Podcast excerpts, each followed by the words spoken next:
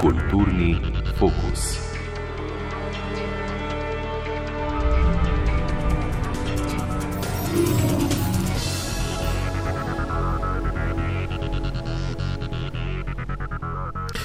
Tihožitje je, zgodovinsko gledano, eden najbolj uveljavljenih, najbolj čislenih žanrov zahodnega slikarstva, ki so se mu z nemajhnim uspehom posvečala tudi najslavnejša imena, od Brehla in Karavadža do Sezana in Picasa. Ker so se v času po drugi svetovni vojni malo da ne vse stare gotovosti v likovni umetnosti postavile na glavo, bi menda lahko pomislili, da današnjih slikarjev tudi ustvarjanje tihožiti nič več ne mika.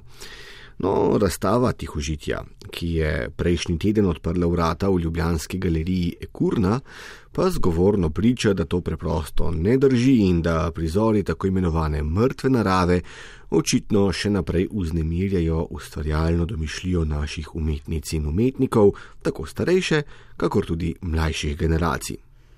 Je pa seveda le treba reči, da tihožitne podobe, ki so v slovenskih ateljejih nastale v zadnjih desetletjih, odstopajo od pričakovanj, ki jih na podlagi poznavanja tradicije imamo o tem, kako naj bi bilo tihožitje pravzaprav videti. Bidermajerskih šopkov ali zgovornih dokazov, da se ribiči domov le niso vrnili praznih rok, v ekurni tako ne bomo videli.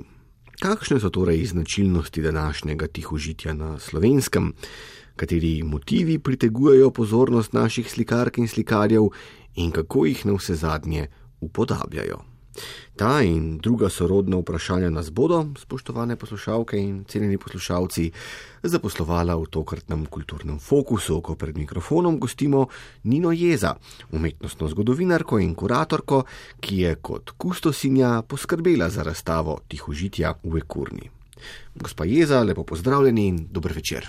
Lepo zdrav tudi vam. Zdaj, kako rečeno, nocoj bo v središču najne pozornosti sodobno slovensko tihožitje, ampak vendar se mi zdi pametno, ko bi ta najn pogovor nekako zasidrala v eh, širšem kontekstu. Zato bi vas najprej vprašal, kako umetnostna zgodovina v splošnem pravzaprav opredeljuje tihožitje.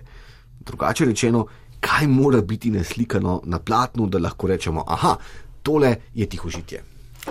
Ja, umetnostna zgodovina, torej če greva v zgodovino nazaj, ne, vemo, da so tihožitje dejansko že slikali v starem veku, tudi ne, egipčani recimo so ga v nagrobnicah razne predmete slikali, zato ker so pač verjeli, da bojo to postmortem, torej ti ljudje potrebovali. Pol recimo pride tudi Rim, seveda ima močno razvite tihožitje, Grki, Pompeji. Ampak v srednjem veku, recimo, pa so tudi tihožitja, ampak nimajo tega, imajo bolj religiozen namen. Tako da jih vseeno srečamo na raznih freskah, eh, na raznih eh, teh iluminacijah. Eh, ampak so bolj kot pomožen žanr, no bom rekel. Tako da tihožitja so bila dolgo leta tak nekako manj vreden motiv, ampak vedno pa zelo popularen motiv. In zdaj, če greva čez celo umetnostno zgodovino, ne, pol prideva v renesanso, tudi srečamo kakšno tihožitje, ne, recimo Karavadža, ki ste ga omenili, to je že torej proti koncu v baroku, ne. A, ampak takrat, če tihožitje ni imelo te. Uh, da bi postalo samostojno kot motiv, ne? še vedno je bil obstranski motiv. Čeprav, čeprav ta Karavadžova, recimo, košara s sadjem, je pravzaprav zelo zanimiva, ne? zato ker je recimo posoda je čisto na robo, dejansko bi lahko padla iz roba, če gledaš. Ne? Tako da je dejansko tihožitje še danes motiv, ki je, bi lahko rekli, študijski motiv. Zato, ker Slikarji, recimo, ko so torej, ne, vsaj, skoraj vsi slikarji so delali tihožitja, zato ker jaz menim, da so torej učili se, kako postaviti predmet v sliko, kako perspektiva stoji in tihožitje, ker je vedno namiren, nekako je najbolj eh, zanimivo. In mislim, da tudi tehnično slikarsko je tudi najbolj dovršeno, ne, zato ker že v pri Grkih recimo srečamo 3D tihožitje. Temu se pravzaprav reče trompe oil, kar pomeni pravzaprav um, trick the eye je prevod, torej da oko prelisičimo. Ne? Pomeni, da je tihožitje tako tridimenzionalno naslikano, da deluje skoraj živo. In to je pač bilo zelo zanimivo. Tako da recimo tihožitje, da se pa nekako razvije v svoj samostojni motiv, pa to prinesejo severnjaki, torej nizozemci. In to je glih tam nekje na koncu 16. na začetku 17. tako da nekje letnica 1600 je recimo taka letnica, kjer torej tihožitje postane kot samostojen motiv, uh, večvreden motiv, vedno popularen motiv. Ampak recimo flamci ga zelo močno razvijajo v te bohotna cvetja in tako naprej. Recimo nekje sem celo prebrala, uh, zato ker ta tih užitja so recimo slikali kot uh, four seasons, torej štiri letni časi, pet čutov in take zadeve. Ne? In ko so recimo postavljali svete cvetlice v posode, ne, je pa je. So dejansko predmeti stali več. Torej, cvetlice so bile tako drage in iz vseh sezon, recimo, so jih uh, hranili, da je na koncu tista vaza stala skoraj več kot dejansko neka slika, ki jo je naslikal. Ampak so to zelo popularno, ne, pač je bilo vedno.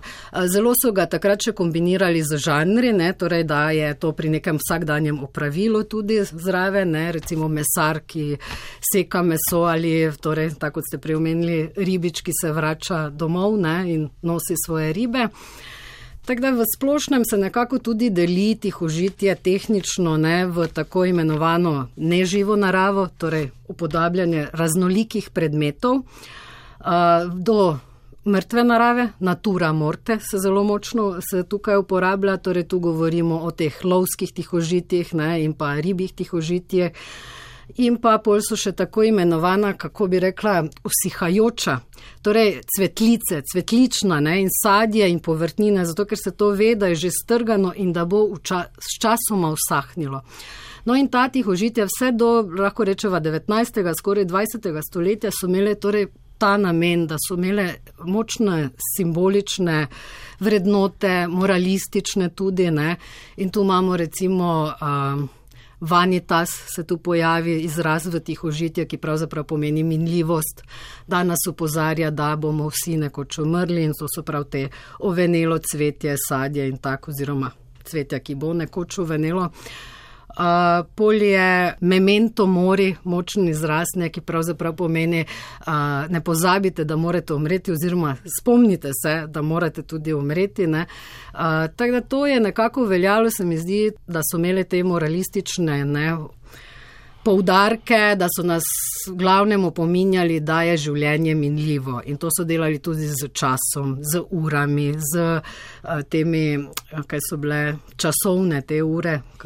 S tekočim. Uh, tako, ne, vse peskom, to ne? tako teče in mineva. Ne. Ampak, če pa gremo pol, ne tam konec, recimo realisti še imajo tudi ne, te simbolike, dosti moralizma in tako naprej. Ko pa pridemo že tam do impresionizma, recimo do Cezana, ne? Cezan se pa definitivno že takrat ni ukvarjal, ali bo zdaj to neko sporočilo, ampak se je dejansko ukvarjal z sliko, torej z formo, linijo in barvami. Ne? In to je nadgrajeval, tako da v teh užitih je to tudi najlažje razvijal. Ne. Pol Matis je recimo se igral z vzorci, pol, ki jih je še zraven doslikavo. Ne. Zelo močni so tudi bili pol kubisti, Picasso, zato ker so dejansko oni so sicer večinoma uporabljali instrumente, ko so jih slikali, ampak so jih deva postavljali v ta kubistični prostor, torej ne, so jih zlagali in. Tihožitje je bilo neprestano na, mire, tudi, na miru. Tudi recimo ženske so ogromno slikale tihožitja, ne? zato ker ženske do 20. stoletja, tudi tu lahko menimo našo Ivano Kobilco, ne? niso smele niti v šolo hoditi, torej tako kot so slikari hodile, so imele neke zasebne šole, recimo slikarske ne? in seveda ni bilo primerno, da se ona uči in gleda nago žensko ali nagega moškega, ampak je dejansko gledala cvetje, vazo ne, in so se dejansko na teh tihožitih tudi učile ženske. No. Tako da, če prideva vse do danes, ne, bi jaz rekla, da ja, tihožitja so v bistvu še vedno tihožitja, ampak res nimajo več tega moralističnega prizvoka, da nas nekaj opozarja. Ampak jaz menim tudi zato, ker so se tudi naše vrednote spremenile. Tako da ni vse povezano z samo sliko, ampak dejansko tudi z nami, z našim časom ker recimo danes ne, slikari tudi slikajo maske, ki jih nosimo, vece papir in take, ki pač bojo vseeno odražali neki naš čas. Bojo imeli drugačno sporočilo, ampak bo neki odraz našega časa. Recimo. Ja. To prav gotovo.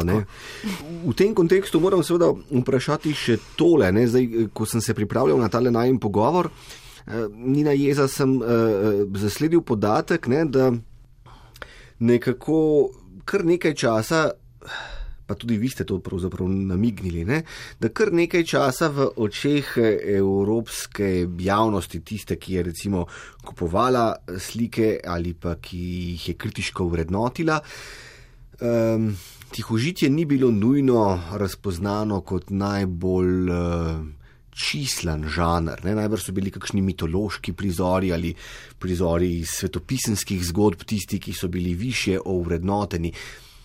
Danes pa se seveda zdi tihožitje povsem enakopravno drugim klasičnim žanrom tradicionalnega zahodnega slikarstva. Pa se sprašujem, kdaj, v kakšnih okoliščinah je pravzaprav prišlo do te revalorizacije tihožitja. Ja, definitivno so to bili flamci. Ne? Srednji, mislim, torej v 17. stoletju. Takrat jih užitje, ne glede na to, da se še vedno gleda kot neki manj vrednostni motiv, ne, uh, postane torej samostojni motiv, postane pomemben motiv z vsemi temi ikonografskimi zadevami, ki jih torej vsebuje recimo neko tihožitje ne, uh, in pač postane popularen, ne, predvsem to. In recimo zanimivo je, da se od nizozemcev, torej ne, v bistvu nizozemci in flamci, torej Belgija tudi zraven, ne, ker so bili protestanti, se pri njih tudi zaradi tega še bolj razvijati tihožitje v smislu recimo lovcev in rib, ne? zato ker protestanti niso smeli slikati več a, religioznih zadev v tihožitje. Tako da tu je nek razmah in pol recimo iz nizozemske, torej iz stil leven se pravzaprav razvija beseda stil life do Anglije, v Nemčiji tudi zelo močno, kasneje tudi Španci, ne? čeprav špansko tihožitje recimo v 17. proti koncu stoletja podobno nizozemcem, ampak vseeno zelo drugačno, zato ker je bolj čisto, bolj se usmerijo na neke vzorce vas, krožnikov in bolj dekorativno je. Ne? To je najbrž v povezavi s tem, ne, seveda, da so nizozemci protestanti, pa torej nekoliko bolj asketski in strogi, Tako. španci pa mediteranci, katoličani in seveda pač eh, bolj odprti za, eh, kako ne rečem, neprijetnejše plati življenja. Predvsem to je ja, in Tihožitje pač enostavno ne, je taki še danes popularen motiv. Ne. Tudi ta razstava nekako dokazuje, da je zelo obiskana. Nekako, ko recimo umetnik danes naslika neko masko, sploh ne razmišlja, da je to tihožitje. Ne. Ampak na koncu je to predmet, tako da drugam ga uvrstiti dejansko ne moreš. Ne. Ker tudi na razstavi so vprašanja, ali je recimo igla od Andreja Brumna Čopa tihožitja. Ne. Ampak je predmet, je, kam bi ga drugam, ne moramo ga dati v ne v portret, ne v akt, torej ne, dejansko ga tretiramo kot uh, tihožitje. Krajina pa tudi ni, seveda. Tako, ne. Uh, še tole moramo vprašati, predtem se podrobneje posvetiva, seveda, eh, pričujoči razstavi v galeriji Kurna. Ne? Namreč um, slikarstvo, to, ki si za svoje bojno polje izbere platno, ne? je vse odkar je Marcel Dišon pretresel umetnostni svet z znamenito fontano, ne, se zdi nekako v umiku. Ne. Na mesto klasičnega slikarstva v polju likovne ustvarjalnosti zdaj že desetletja. In zdi se, da iz leta v leto bolj tako, prednačijo drugi pristopi, druge discipline, recimo konceptualna umetnost, pa instalacije, tudi performanci in podobno. Ne? Ampak človek bi tudi rekel, v tih užitju je sleko premoralo odklenkati uh, ljudje, ki slikari, ki danes slikajo na platno, so tako ali tako prežitek neke dobe, ki je že zašla, ampak ne bi vendarle mogli reči, če pogledamo recimo kako tako res znamenito instalacijo, recimo tista, ki jo je konec 20. stoletja pripravila Tracy Emin, znana britanska sodobna umetnica, ne? razmetana postelja v tej galeriji je bila razstavljena. Ne? Eh, kaj ni to pravzaprav tudi, kako ne rečem, ne? nadaljevanje tih užitja z drugimi, drugačnimi sredstvi? Ja, to je prav zanimiva tema in mislim, da bi se prav umetnostni zgodovinari tudi mogoče se že lotevajo, mogoče ne. Namreč danes smo mogli prav z Arnetom imela ta pogovor, ne, njegov oče, torej Tomaš Brec, ki ga poznamo kot teoretika našega, ne, je tudi komentiral, ne, da bi on šel v inštalacije. Tako da tihožitje pravzaprav vse ohranja v raznolikih medijih, ne? ker pol gremo v fotografijo, ki se razvija, je zelo močno tihožitje v fotografiji, uh, pol pa prideva že tudi do dobro performanci, mogoče bi mogel biti zelo specifičen, da bi dejansko lahko govorili tudi o tem, ne? ampak pri inštalacijah pa ja. Bi bilo to tihožitje, ampak še to nekako ni dana v današnjem času, mislim, da ne razdelano. Eh, smo se celo z, eh, malo posmehovali z tem Goran Bartok, ne, ko dela eh, fotografija mrtvih ljudi. Ne? In če zagledaš, to je mrtva narava, če je mrtva žival, tihožitje, lovsko, ne? bi lahko tudi on imel svojo fotografsko razstavo mrtvih ljudi, naslovil tihožitje. Ampak mislim, da še je to mogoče prehitro ali pa mu zdaj mogoče pravi čas, da se to še analizira. Tako da mi se tega nismo lotili, ampak smo se dejansko lotili samo tega preskoka, torej zdaj 21. stoletja, neke mlajše, mislim, starejše generacije, ne, kot je recimo Metka Krašovec, Jeraj in pa Mesarič, pa Kalaš, pa tudi Marušič, ne. V prehodu torej do pač ti malo srednja generacija, Červek, Čop, Lozar in recimo Siko, in pol vse do mlajše generacije, recimo te Jurkoškove, Barbare, Iva Tratnik, Capuder in pa Ira Marušič. In že v tej narastavi, ko prideš, ne, vidiš to razliko, da so ta starejša generacija je še nekako bolj nagnjena k tem klasičnim tihožitjem. Torej, povrtnina, cvetje in tako naprej, medtem ko ta mlajša generacija pa že ne, Iva Tratnik ima srce. Ampak to srce v bistvu je tihožitje, z vzorcem se igra, ne? tudi ko smo že omenili Andreja Brumona Čopa, torej iglo, ali pa zelo zanimiv Robert Lozar, ne? prazna platna. E, kar je pa v bistvu ne, nas se mi dosti, e, mislim, vsaj umetnik, recimo nek, ki gleda to prazno platno, se verjetno do, veliko bolj poistoveti z tisto sliko, ker ne, ždet, mislim, da je to muka vsakega umetnika, ko se postavi pred prazno belo platno in mora začeti. Tako da zato se mi je zdelo to tihožitje zanimivo.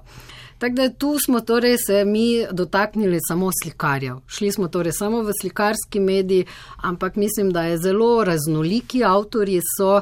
Seveda bi lahko povabili še kakšnega slovenskega avtorja, ki bi pasal v ta koncept tihožitja, ampak enostavno pač galerija ima 16 sten. 16 umetnikov je bila neka omejitev, tako da smo na tak način sem nekako bolj se odločila in naredila neki zbor.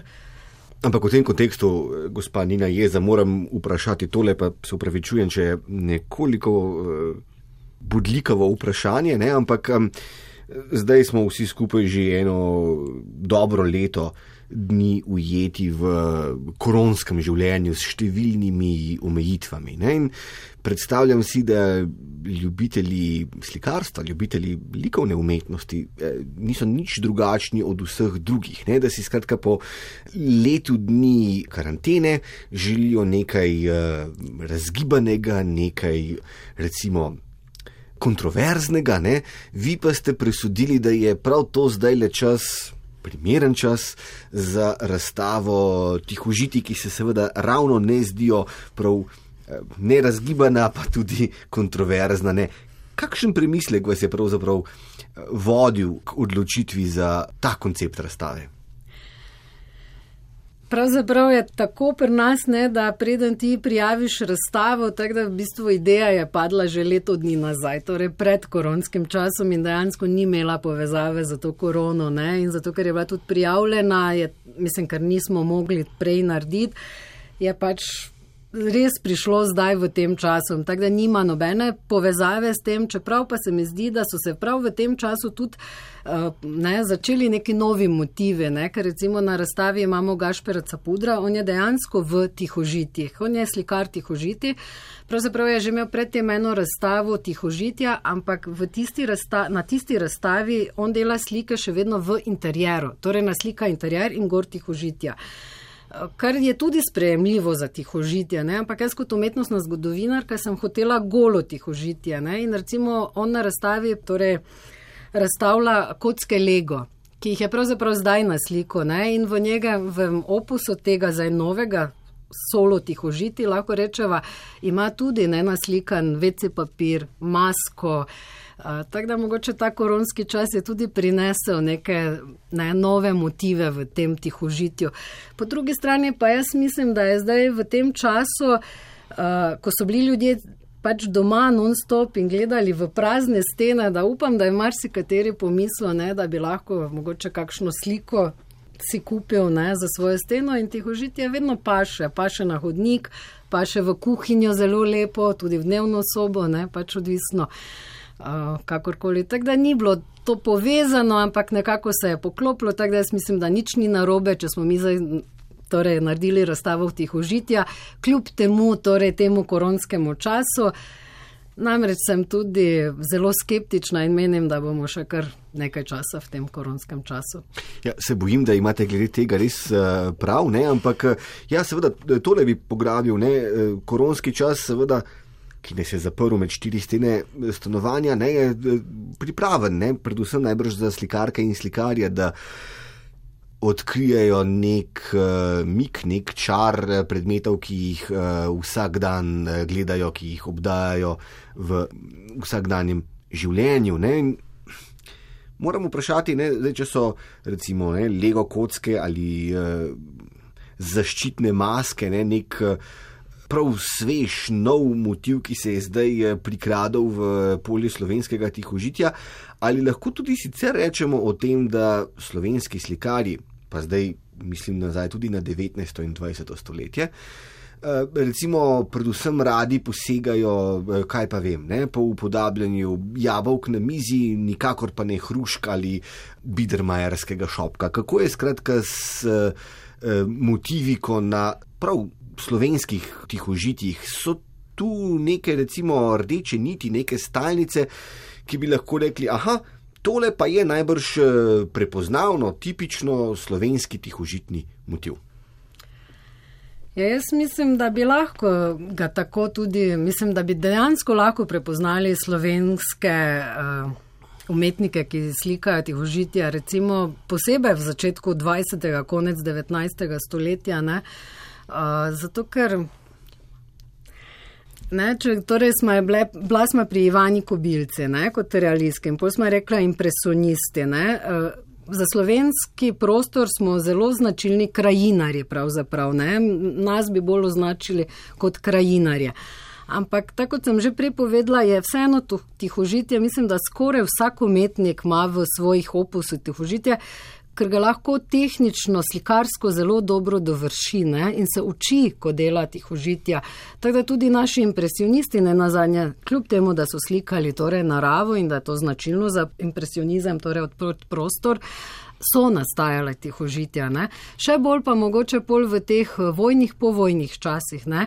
ampak niso se več toliko slikali v slovenskem prostoru uh, cvetje, zato ker to cvetje je bilo vedno bolj v domeni cerkve. Ne? Ampak je bolj šlo torej na kruh, na mleko, na jabolke. Recimo mleko, ko sem omenila Adriana Maraš, ne, je imela eno lepo, lepo grafiko mleka, uh, ki je recimo še v tisti vreči narejeno, ne, mleko se ni, ne, prav taka vreča je. Uh, in tudi recimo Janez Bernik, njen sopotnik, ne, je tudi ogromno delo teh tihožiti, ne, pa so to zdaj že greva v 20 ali 21, sem že zmedena, v glavnem smo že tu, ne, Bernik je že učil na alujo. Ne.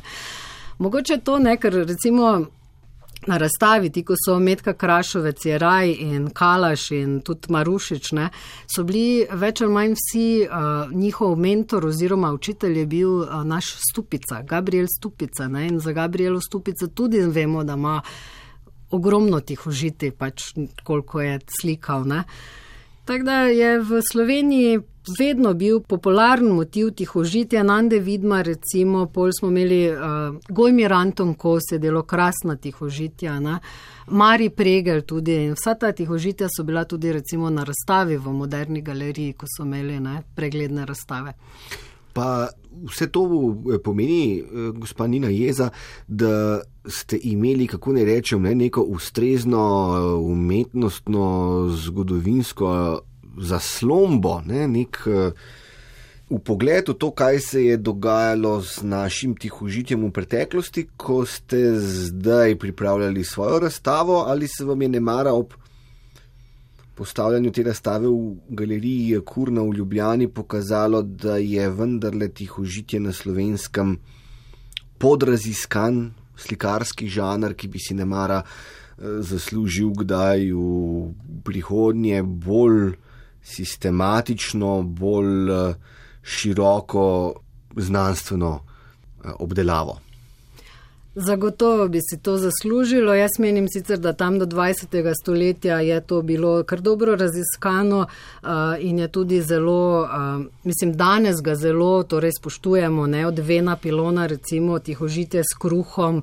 Je tudi na kartici galerija Ajdovščina in tako naprej.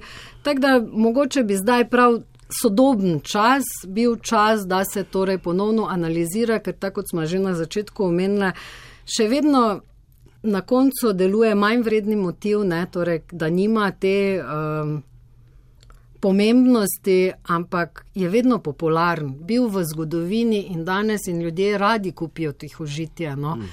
Tako da potrebuje zagotovo novo analizo in tudi nekaj, pol greva v nove medije, torej ne, od videa do. Vse tukaj noter bi lahko nekje našli kakšno tih užitje, tudi pri inštalaciji, ne na zadnje, ne, če ona je kot predmet, ker definicija je dejansko ne, neživa narava, torej predmeti od raznolike, ne, tudi kozarec na mizi ali kakorkoli ta mikrofon. Ampak moramo vedeti, da določeni predmeti ne, v zgodovini še niso bili.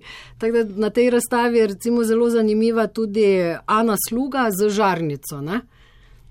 Žarnice prej niso mogli naslikati, Ana Sluga pa v bistvu bi tudi lahko rekla, da je slikarka tihožiti, samo je sploh nismo tako označili. Ne? Ampak, če greš v njene opuse, so v glavnem torej, te luči, pol pa dela razne te baterije in take bolj elektronske zadeve, no se mi zdi, da v njenem opusu najdeš. Tako da bi potreboval spet neki nov pregled današnjih sodobnih. Uh, umetnikov. Teda zato sem se tudi lotila tega, ker me je samo zanimalo, torej iz zgodovine, kako danes torej slikari še slikajo tihožitja. Ne? In se mi zdi, da na razstavi je en tak malo jagodni zbor močnih umetnikov, ampak ne na zadnje v večini od teh. So slikarji tihožitja, ne? tudi posebej recimo lahko omeniva Bogoslava Kalaša, kjer je torej izumil svoj slikarski stroj. Ne? In se je imel razstavo leta 2015 v MSUV, ne, ta, mislim v moderni galeriji. In tam je tudi stroj bil na razstavi, recimo, tako da Bogoslav pravzaprav fotografira in pol ta negativ postavi v ta stroj, ampak to ni zdaj, da bo stroj sam slikal. Ta stroj rabi nekoga, da zna z njim upravljati in vprašanje, če bo to kdo znal kasneje. Ne? Zato, ker Bogoslav pol vsako barvo premeša številči v zvezek, kakšno količino barve da, kakšen otenek bo in bo se to v plasteh slika kot strojne. In seveda pri njemu v glavnem najdeš torej portrete in pa tihožitja recimo. Ne? Zelo zanimivo. No, zdaj, predvsej eh, različnih, kaj to beseda poetik ne. Ja. je mogoče eh, opaziti ne, na razstavi tihožitja v galeriji Ekurna. Ne, recimo platno Medke Krašovec, eh, Narcise 4 iz leta 1977, ne, se zdi na nek način zelo klasično. Ne, to so narcise v vazi, ne, ampak vendarle je učinek, ki ga eh, slika zbuja, pa svetlobna leta, se mi zdi oddaljen od eh, tega, kar si pač mislimo, ne?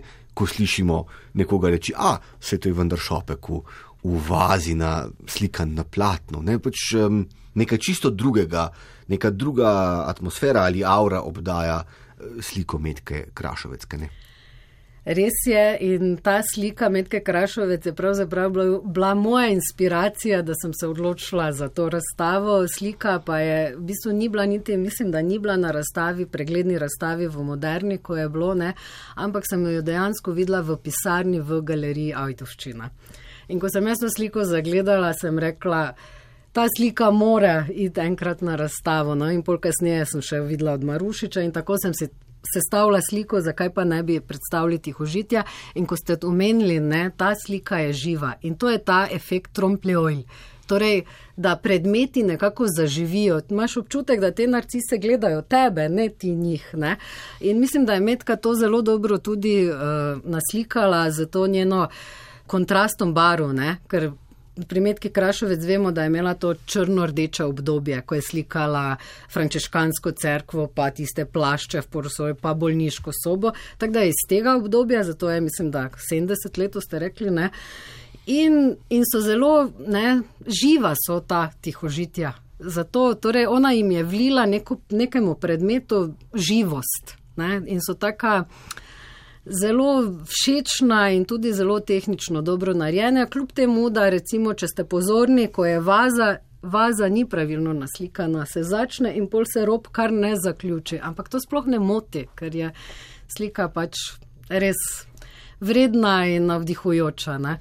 Zanimivo se mi zdi, ne, ko pravite, da je nekaj živega na teh uh, narcisah, da so one tiste, ki gledajo nas in ne obratno. Ne.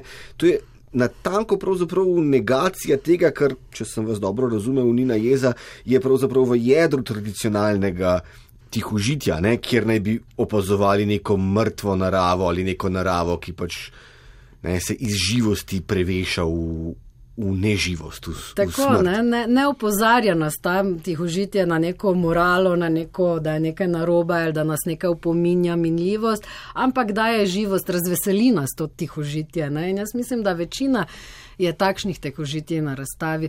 Bi pa tudi zelo omenila, torej najstarejše tihožitje je pa od zmaga je raje iz leta 67. Ne? Zdaj, gospod Jaraj je žal že pokojen, 2015 bi še bil kar v formi, po moje. No. Ampak recimo, Jaraj je imel to eno obdobje in to tihožitje, jaz mislim, da je kultno tihožitje. In ne, tudi nima te moralnih, ne vem kakšnih ikonografskih eh, simbolov, sim, ne, ampak ima to simbolnost, torej gre samo za mizo, stol in na tej mizi rdeč nož. In ta rdeč nož se mi zdi, da te kar malo piči v srce, ko ga vidiš. In tu je glih na meji, ne? lahko bi bil že interjer, ampak mislim, da je to ne glede na vse samo tihožitje, saj je samo nakazan prostor. Ne gre za dejanski prostor, ampak gre za to nakazano simboliko mize, stola in rdečega noža. No? Tako da se mi je zdelo tudi zelo pomembno. No. Da gre na razstavo, je pa izposojeno iz uh, umetnostne galerije Maribor, ker ostala tihožitja pa so več ali manj na prodaj. Mhm, zanimivo. No, pa najbrž tista Medka Krašovec je tudi seveda ponosno v lasti Ajdovskega muzeja. Uh, še eno platno je pritegnilo mojo pozornost na razstavi in sicer tisto, na katerega naletimo čisto takoj, ko stopimo v prostore galerije, namreč dve kanti za smeti. Ne? Na slikanju v neki hiperrealistični tehniki, kako da bi se jih lahko dotaknil. Ne? Ja, vidim, da se zelo dobro spoznate na te. Uh motive in tako naprej, ne, tudi na uh, sloge. Uh, to je pa Franc Mesarič, ki prihaja iz Prekmurja, ampak žal je tudi pokojen. Mislim, da je zdaj približno leto dni, odkar je umetnik umrl, je tam nekje 38-letnik, se pravi, tudi je bil kolega od Krašovčeve, od Jeraja in tako naprej. In on je pravzaprav naš prvi hiperrealist. On je pri nas priznan kot prvi hiperrealist. To tihožitje je sicer šele iz leta 2001, čeprav je on že v 70-ih delo tako hiperrealistična tihožitja. In mislim, da je on glih tu naredil prvi korak torej v ta sodobni pristop tihožitja. Ne? Zato, ker kanta za smeti danes nam daje kar veliko simbolike, ne? od tega, da smo prenasičeni za smeti, pač v tem smislu. Ne? Tako da se mi zdi tudi zelo zanimivo tihožitje in zelo potrebno, da je torej tega umetnika, da smo vključili v razstavo. No, zanimivo se mi uh, zdi, ne, da je lahko. Če smo zdaj govorili apropo teh uh, smetnjakov, ne, da. Uh, da so recimo ne, sestavni del neke osrednje umetnostne linije nekega slikarja. Ne. Pa imamo druge umetnike, kakršni je naprimer Sandy Červek, ne, ki pa ga poznamo po čem drugem, kakor po tihožitjih, ne, pa se tudi k njim vrača slikar in sicer, če sem dobro razumel vaše spremno besedilo k razstavi, ni na jeza preprosto zato, da bi se odpočil od svojega osrednjega ustvarjalnega toka. Lahko, prosim, to nekoliko podrobneje razložite. Ja, Sandy Črvek se mi je zdel zelo pomemben, da ga vključimo na razstavo. Prvič je dobil pravkar Prešernovo nagrado Prešernovega sklada ne, za črne slike. In Črveka skoraj vsi poznamo samo po črnih slikah. Ne.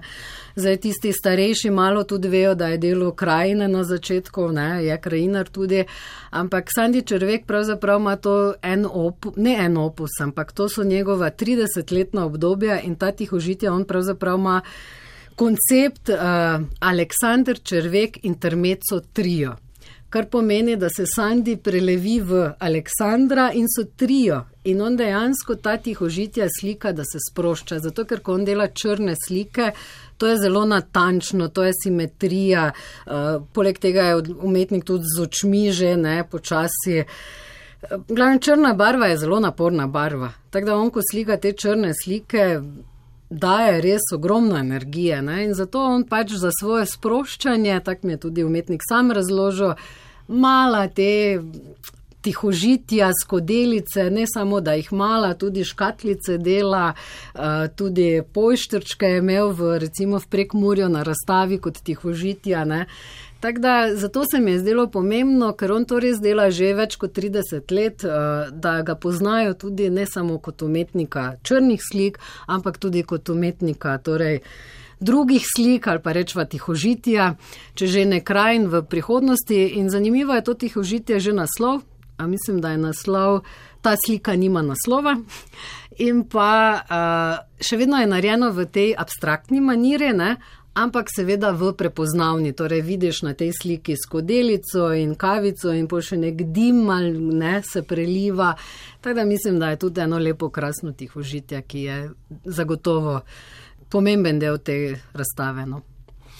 No, povsem eh, drugače, ne, predvsej bolj eh, realistično, ne, kakor Črvekovo se zdi pa slikanje Ire Marušič, ne, ki pa se ne predstavlja na razstavi, seveda z eno samo sliko, enim samim tihožitjem, ampak z množico koliko 30, ne, takih čisto da, 30 drobnih. majhnih, ja, 10 krat 17 nekaj centimetrov so.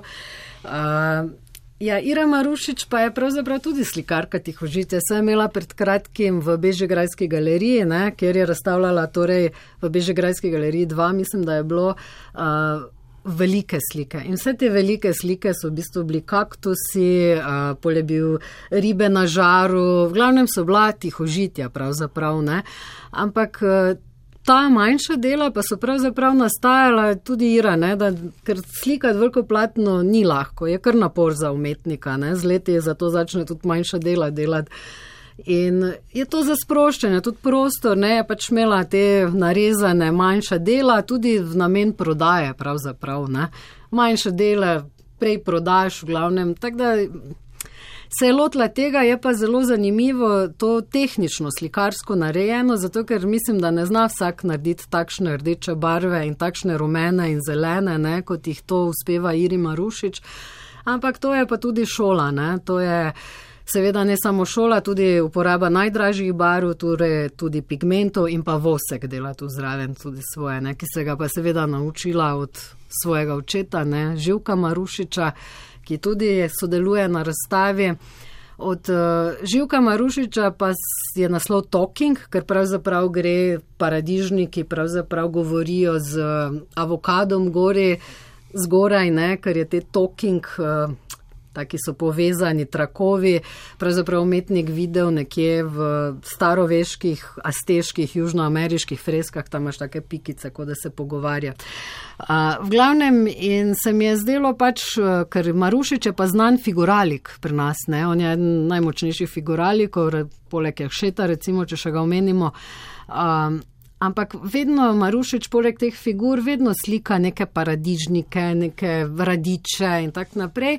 In ko sem videla to tihožitje, ne, se mi je zdelo res zelo zanimivo za to razstavo. Pa ne samo tudi tehnično, ne, tudi perspektiva tu noter je zelo dodelana, zato ker ta slika lahko stoji po dolgem počes, kakorkoli jo postaviš, bo funkcionirala in bo ostala. No. Tako da se mi zdi ta oba Marušiča tako zelo zanimiva, slikarsko, tehnično in da sta na razstavi. Ne.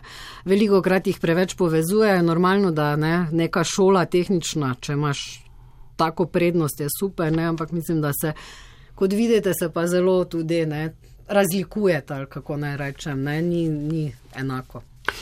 Še enkrat bi se vrnil k Iri Marušič. Ja, namreč, ne, rekli ste, Nina Jeza, eh, dobro, ne? ne mara k odločitvi za to, da bo zdaj ustvarjala drobna tihožitja ne, v dimenzijah 10x17 ne, z majhnimi kaktusi. Ne. Je ne mara botroval tudi nek eh, zelo praktično utilitaren premislek o Tako. možnosti prodaje. Ne, ampak vendarle se mi je zdelo, da se lahko gledalec oziroma gledalka pogledata vsako tiho žitje posebej, vsakega majhnega kaktusa posebej. Ampak zares pa je vsa stvar učinkovita, ko pogledaš z nekaj korakov oddaljenosti in skušaš s pogledom zajeti vseh 30 tiho žitij, ki se drenjajo eno ob drugem. To je tisto, kar zares se mi zdi ustvari poln eh, estetski učinek. To zagotovo, ampak verjamem, da tudi ne, da tu je 30 slik skupaj, ne, in niso samo kaktusi, so tudi peglajzni in take zadeve. Uh, Tako da Ira Marušič, uh, mislim, ti kaktusi ne delujejo zelo dobro, ko so torej v celoti 30, ampak lahko bi jih dali tudi 50, pa bi bila še večja slika, lahko bi jih pa dali samo 20. Tako da verjamem, da nekdo, če si za dom kupi enih 4-5 in si sestavi tako kompozicijo, da bo tudi zelo dobro funkcionirala, ne? če že ne vseh 30. Ker ne na zadnje vemo, da galerijski prostor je velik prostor in tam slika mora imeti svoj svoj prostor, ne, da ona diha, da živi uh, doma v stanovanju, sploh če smo v bloku stanovanja, pa so že takoj niže stene, manjše, tako da recimo, ne, če se kdo naredi pol samo kvadratek iz ne vem petih, desetih, bo dobo enak efekt skoro kot v tele. Na, v galeriji, zato ker so res barvno so zelo dobro narejene ne? in ta barva mislim, da nas zelo pritegne no, pri irinih slikah.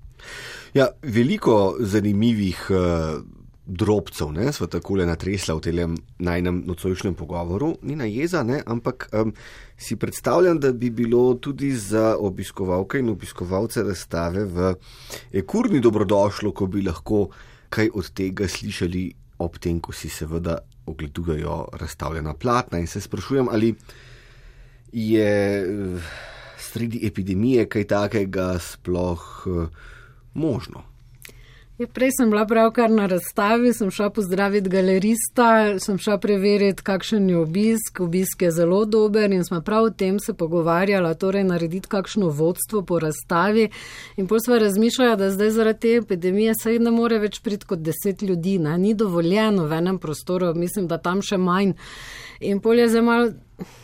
Tako da nekako razmišljava o tem, da bi dejansko naredila virtualno vodstvo, da bi pač ne tudi tam bil ekran, kjer lahko si polo gledajo, ker je ekran za tekstom. Tako da zaenkrat je samo en spremni tekst, kjer res v grobem razloži pač, kaj je tih užitje, ne, kako se razvija in recimo samo z eno besedo torej razloži te umetnike, ker pač vemo, da ne, ne radi beremo predolge tekste, sploh ker razstavim, tako da mogoče stran pa pol, že to je skoraj preveč, ne še preberejo.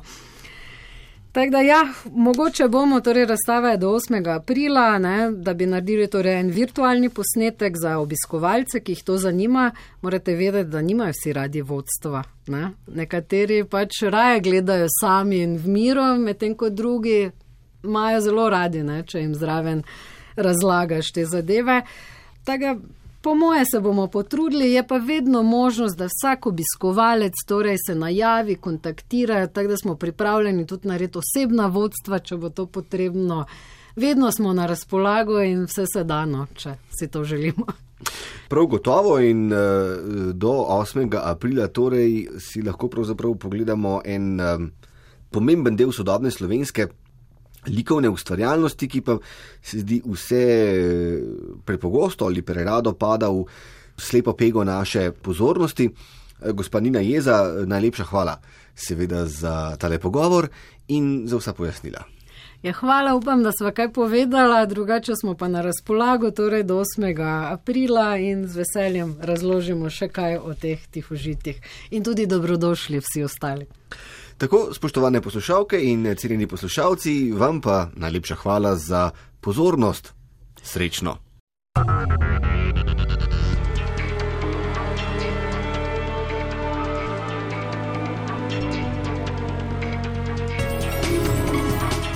S tem smo prišli do konca tokratnega kulturnega fokusa. Oddajo, ki lahko prisluhnete tudi v obliki podcasta ali jo poiščete na spletni strani prvega programa, sem pripravil in vodil Goran Dekliva, zvočno pa jo je oblikoval Jarnej Boc. Kulturni fokus.